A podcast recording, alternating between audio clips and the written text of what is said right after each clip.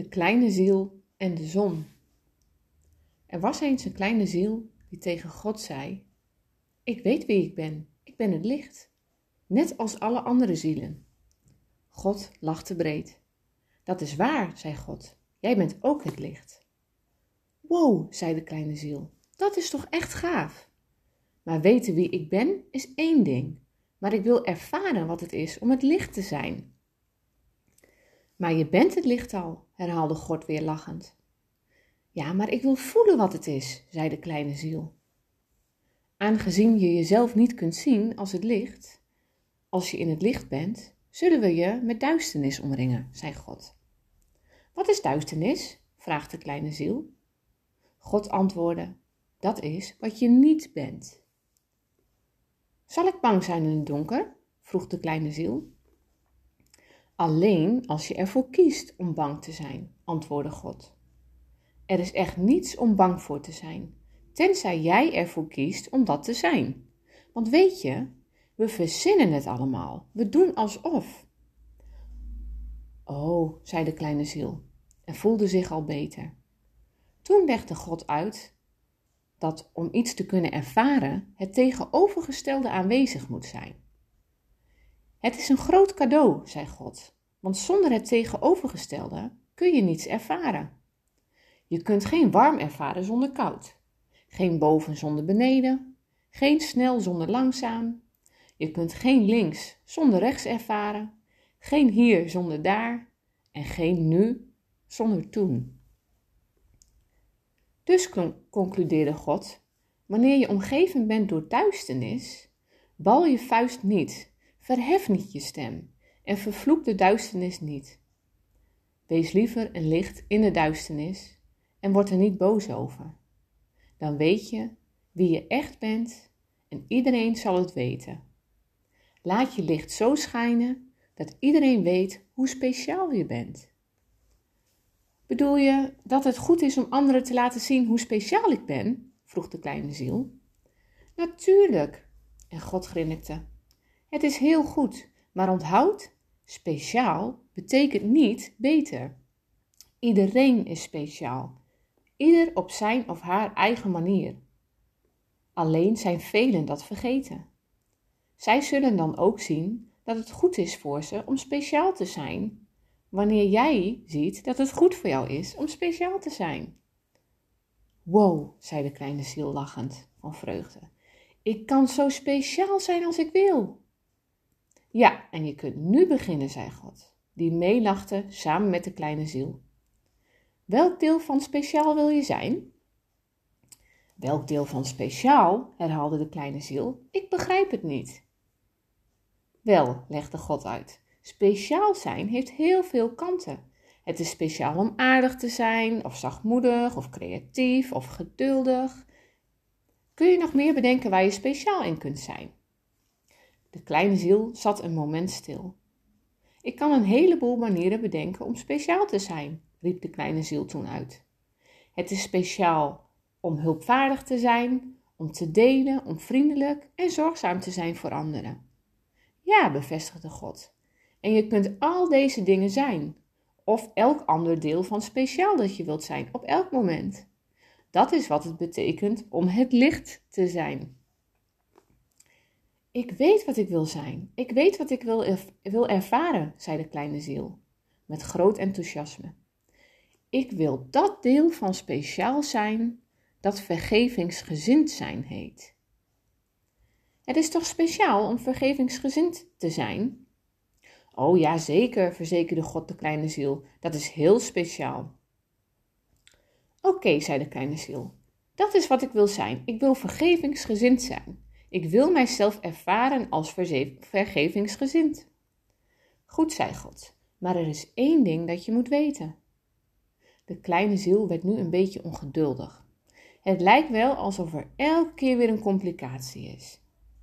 Wat is het? zucht de kleine ziel. Er is niemand om te vergeven. Niemand? De kleine ziel kon nauwelijks geloven wat er gezegd werd. Niemand, herhaalde God. Alles wat ik heb gecreëerd is perfect. Er is geen enkele ziel van alle creaties die minder perfect is dan jou. Kijk maar om je heen. En toen realiseerde de kleine ziel zich dat zich een grote menigte had verzameld. Zielen kwamen van heinde en ver, van overal uit het koninkrijk, want het was als een lopend vuurtje rondgegaan dat de kleine ziel een ongewoon gesprek met God had en iedereen wilde horen wat er gezegd werd. Rondkijkend naar de ontelbare andere zielen die hier bijeen waren, moest de kleine ziel toegeven: niemand leek minder prachtig, minder magnifiek of minder perfect dan de kleine ziel. Dat was het wonder van de zielen die om hem heen waren en zo helder was hun licht. Wie is er dan te vergeven? vroeg God. Jongen, dit is helemaal niet grappig, gromde de kleine ziel. Ik wil mijzelf ervaren als vergevingsgezind. Ik wil weten hoe dat deel van speciaal voelt. En toen stapte een vriendelijke ziel naar voren uit de menigte. Maak je geen zorgen, kleine ziel, zei de vriendelijke ziel. Ik zal je helpen. Wil je dat? De kleine ziel klaarde op. Maar wat kan je dan doen? Wel, ik kan je iemand geven om te vergeven. Kan je dat? Ja, zei de vriendelijke ziel. Ik kan in je volgende aardse leven komen en iets doen wat jij kan vergeven. Maar waarom? Waarom wil je dat doen? vroeg de kleine ziel. Jij, die van zo'n ongelooflijke perfectie bent, jij die trilt van zo'n snelheid dat het zo'n helder licht creëert, dat ik het niet kan e- evenaren, wat kan je reden zijn dat jij je vibratie zult verlagen, zodat jouw licht donker wordt? Wat kan de reden zijn voor iemand die zo licht is, om in mijn leven te komen en jezelf zo zwaar te maken, zodat je dit, zodat je dit slechte kan doen? Simpel, zei de vriendelijke ziel.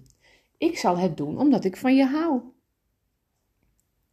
De kleine ziel leek verrast door het antwoord. Wees niet zo verbaasd, zei de vriendelijke ziel. Je hebt het zelf gedaan, voor mij. Herinner je dat niet meer?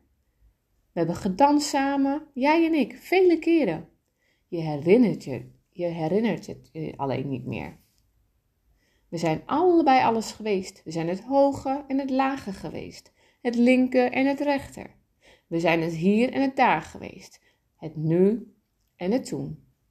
We zijn het mannelijke en het vrouwelijke geweest, het goede en het slechte. We zijn beide het slachtoffer en de dader geweest. Zo zijn we samengekomen. Jij en ik vele malen eerder.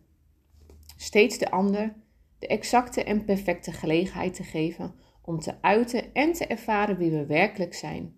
En daarom legde de vriendelijke ziel verder uit, kom ik in je volgende leven en zal de slechte zijn dit keer. Ik zal iets heel slechts doen en dan kan jij jezelf ervaren als degene die vergeeft. Maar wat wil je dan doen? vroeg de kleine ziel een beetje nerveus. Wat, wat willen zo erg zijn? Oh, antwoordde de vriendelijke ziel met een glimlach, we bedenken wel iets. En daarna leek de vriendelijke ziel serieus te worden en zei met rustige stem: je hebt over één ding gelijk, weet je. Wat is dat? wilde de kleine ziel weten.